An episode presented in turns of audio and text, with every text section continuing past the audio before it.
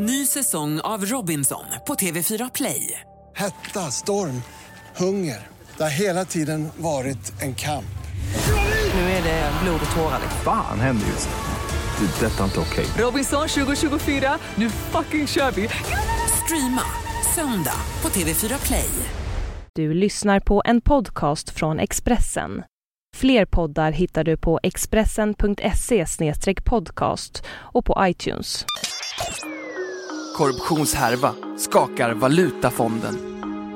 Det här är Expressen Dokument, ett fördjupningsreportage. Varje dag med mig, Johan Bengtsson, som idag läser Thomas Kvarnkullens text om att IMF-chefen Christine Lagarde misstänks för maktmissbruk. Christine Lagarde använder sin charm som vapen för att rädda den krisande euron. Men en av världens mäktigaste kvinnor har ett bekymmer. IMF-chefen misstänks för maktmissbruk i en infekterad mångmiljontvist och under en av sina resor nyligen fick hon veta att polis hade sökt igenom hennes våning i Paris.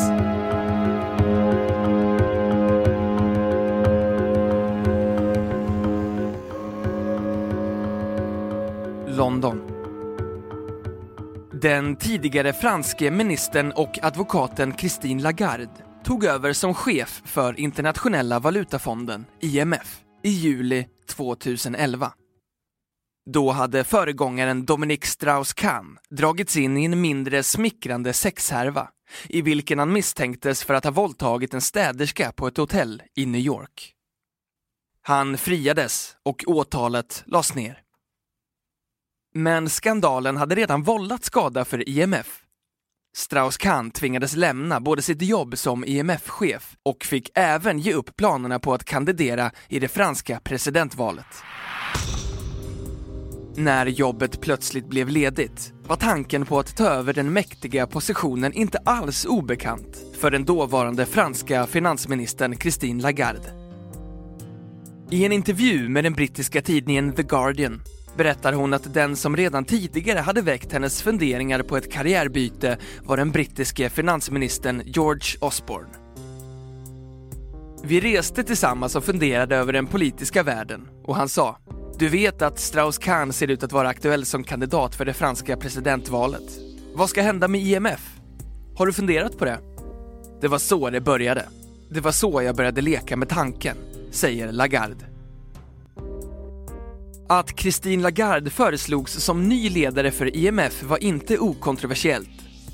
Det fanns röster som motsatte sig att jobbet återigen skulle gå till någon från Europa. Kritik hördes från Brasilien, Ryssland, Indien, Kina och Sydafrika.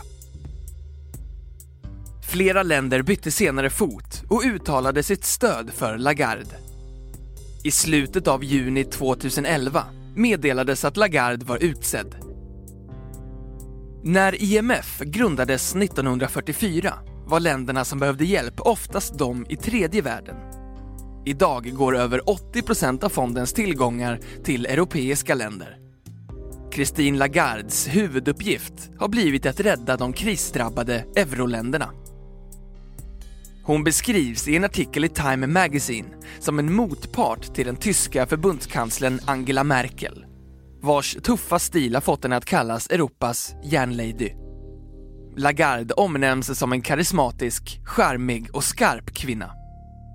Det var de egenskaperna många trodde skulle göra att de kunde föra IMFs 188 medlemsländer närmare varandra.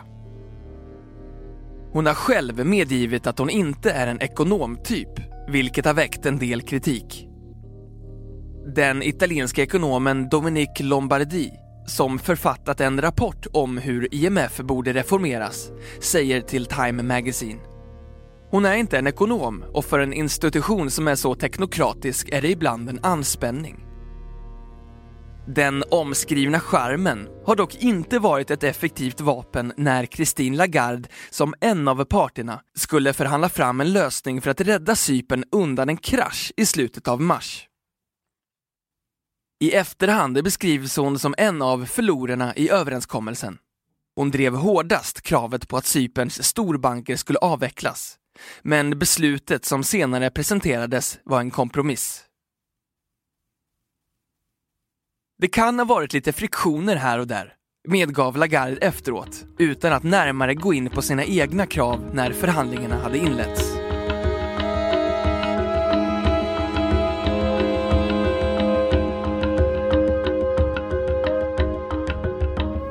Expressen Dokument, en podcast från Expressen. Lagarde har länge förespråkat en gemensam bankunion för eurozonen för att samordna översynen av regionens banker. Det gjorde hon redan innan hon tillträtt på sin post. I Time Magazine förklarar hon vad hon anser är problemet för Europa. Att det idag bara handlar om daglig krishantering. De måste ägna energi och fokus på en långsiktig ryggrad för Europa och göra det till en stark regional monetär bank och skatteunion, säger Lagarde. Christine Lagarde må beskrivas som en charmig och karismatisk person, men hennes uttalanden har inte gått hem alla gånger i krisländerna. I Grekland väcktes raseri efter att hon sagt i The Guardian att grekerna måste ta sitt ansvar och talade om citat ”alla dessa människor i Grekland som försöker fly undan skatt”. Slutcitat. Hon höll med när reporten frågade om det var payback time för grekerna. På Facebook strömmade de ilskna kommentarerna in och Lagarde fick försvara sig. Som jag sagt många gånger tidigare så känner jag mycket sympati med det grekiska folket och de utmaningar de står inför. Det är därför IMF stöttar Grekland i sin resa för att ta sig igenom den nuvarande krisen och återvända till vägen mot ekonomisk tillväxt, jobb och stabilitet, skrev hon på sin Facebook-sida. Men samtidigt som flera europeiska länder försöker ta sig ur krisen med hjälp av bland andra IMF har Lagarde också fått andra bekymmer. 20 mars gick fransk polis in i IMF-chefens bostad i Paris för att leta efter bevis i en härva där hon misstänks ha gynnat en vän till Frankrikes tidigare president Nicolas Sarkozy. Lagarde befann sig själv i Frankfurt vid tillfället. Det har inte blivit känt huruvida polisen faktiskt hittade och beslagtog något i bostaden. Affärsmannen Bernard Tapie, som tidigare var minister i François Mitterrands regering och senare stöttade Sarkozy under flera presidentval, fick ett nära 300 miljoner euro stort skadestånd utbetalt till sig efter att Lagarde blev landets finansminister. Han ansåg sig ha blivit lurad av banken Crédit Lyonnais i samband med att han köpte sportjätten Adidas och menade att de hade undervärderat bolagets värde. Tapie stämde banken och den nyblivne finansministern Christine Lagarde hänvisade ärendet till en skiljenämnd varpå skatteståndet betalades ut.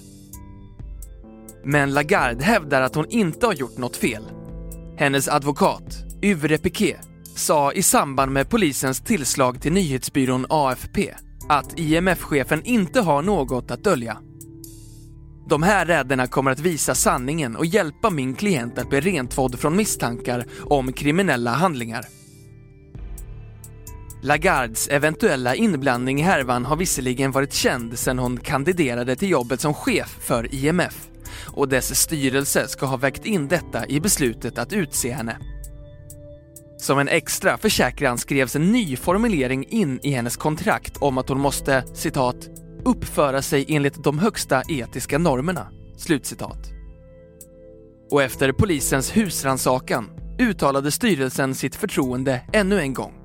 Styrelsen har blivit informerad om ärendet, även om det senaste och fortsätter att uttrycka sitt förtroende för IMF-chefens förmåga att utföra sina plikter, uppgav talespersonen Gary Rice under en presskonferens enligt BBC.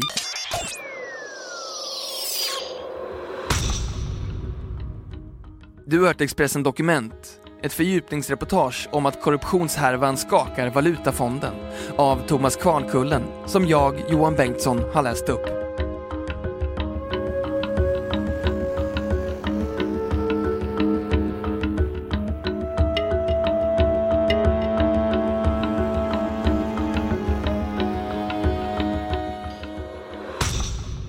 Du har lyssnat på en podcast från Expressen.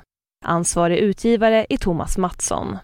Fler poddar finns på Expressen.se och på iTunes. Ett poddtips från Podplay. I podden Något Kaiko garanterar östgötarna Brutti och jag, Davva, dig en stor dos skratt. Där följer jag pladask för köttätandet igen. Man är lite som en jävla vampyr. Man har fått lite blodsmak och då måste man ha mer. Udda spaningar, fängslande anekdoter och en och annan arg rant. Jag måste ha mitt kaffe på morgonen för annars är jag ingen trevlig människa. Då är du ingen trevlig människa, punkt. Något Kaiko, hör du på Podplay. Därför är gardinerna.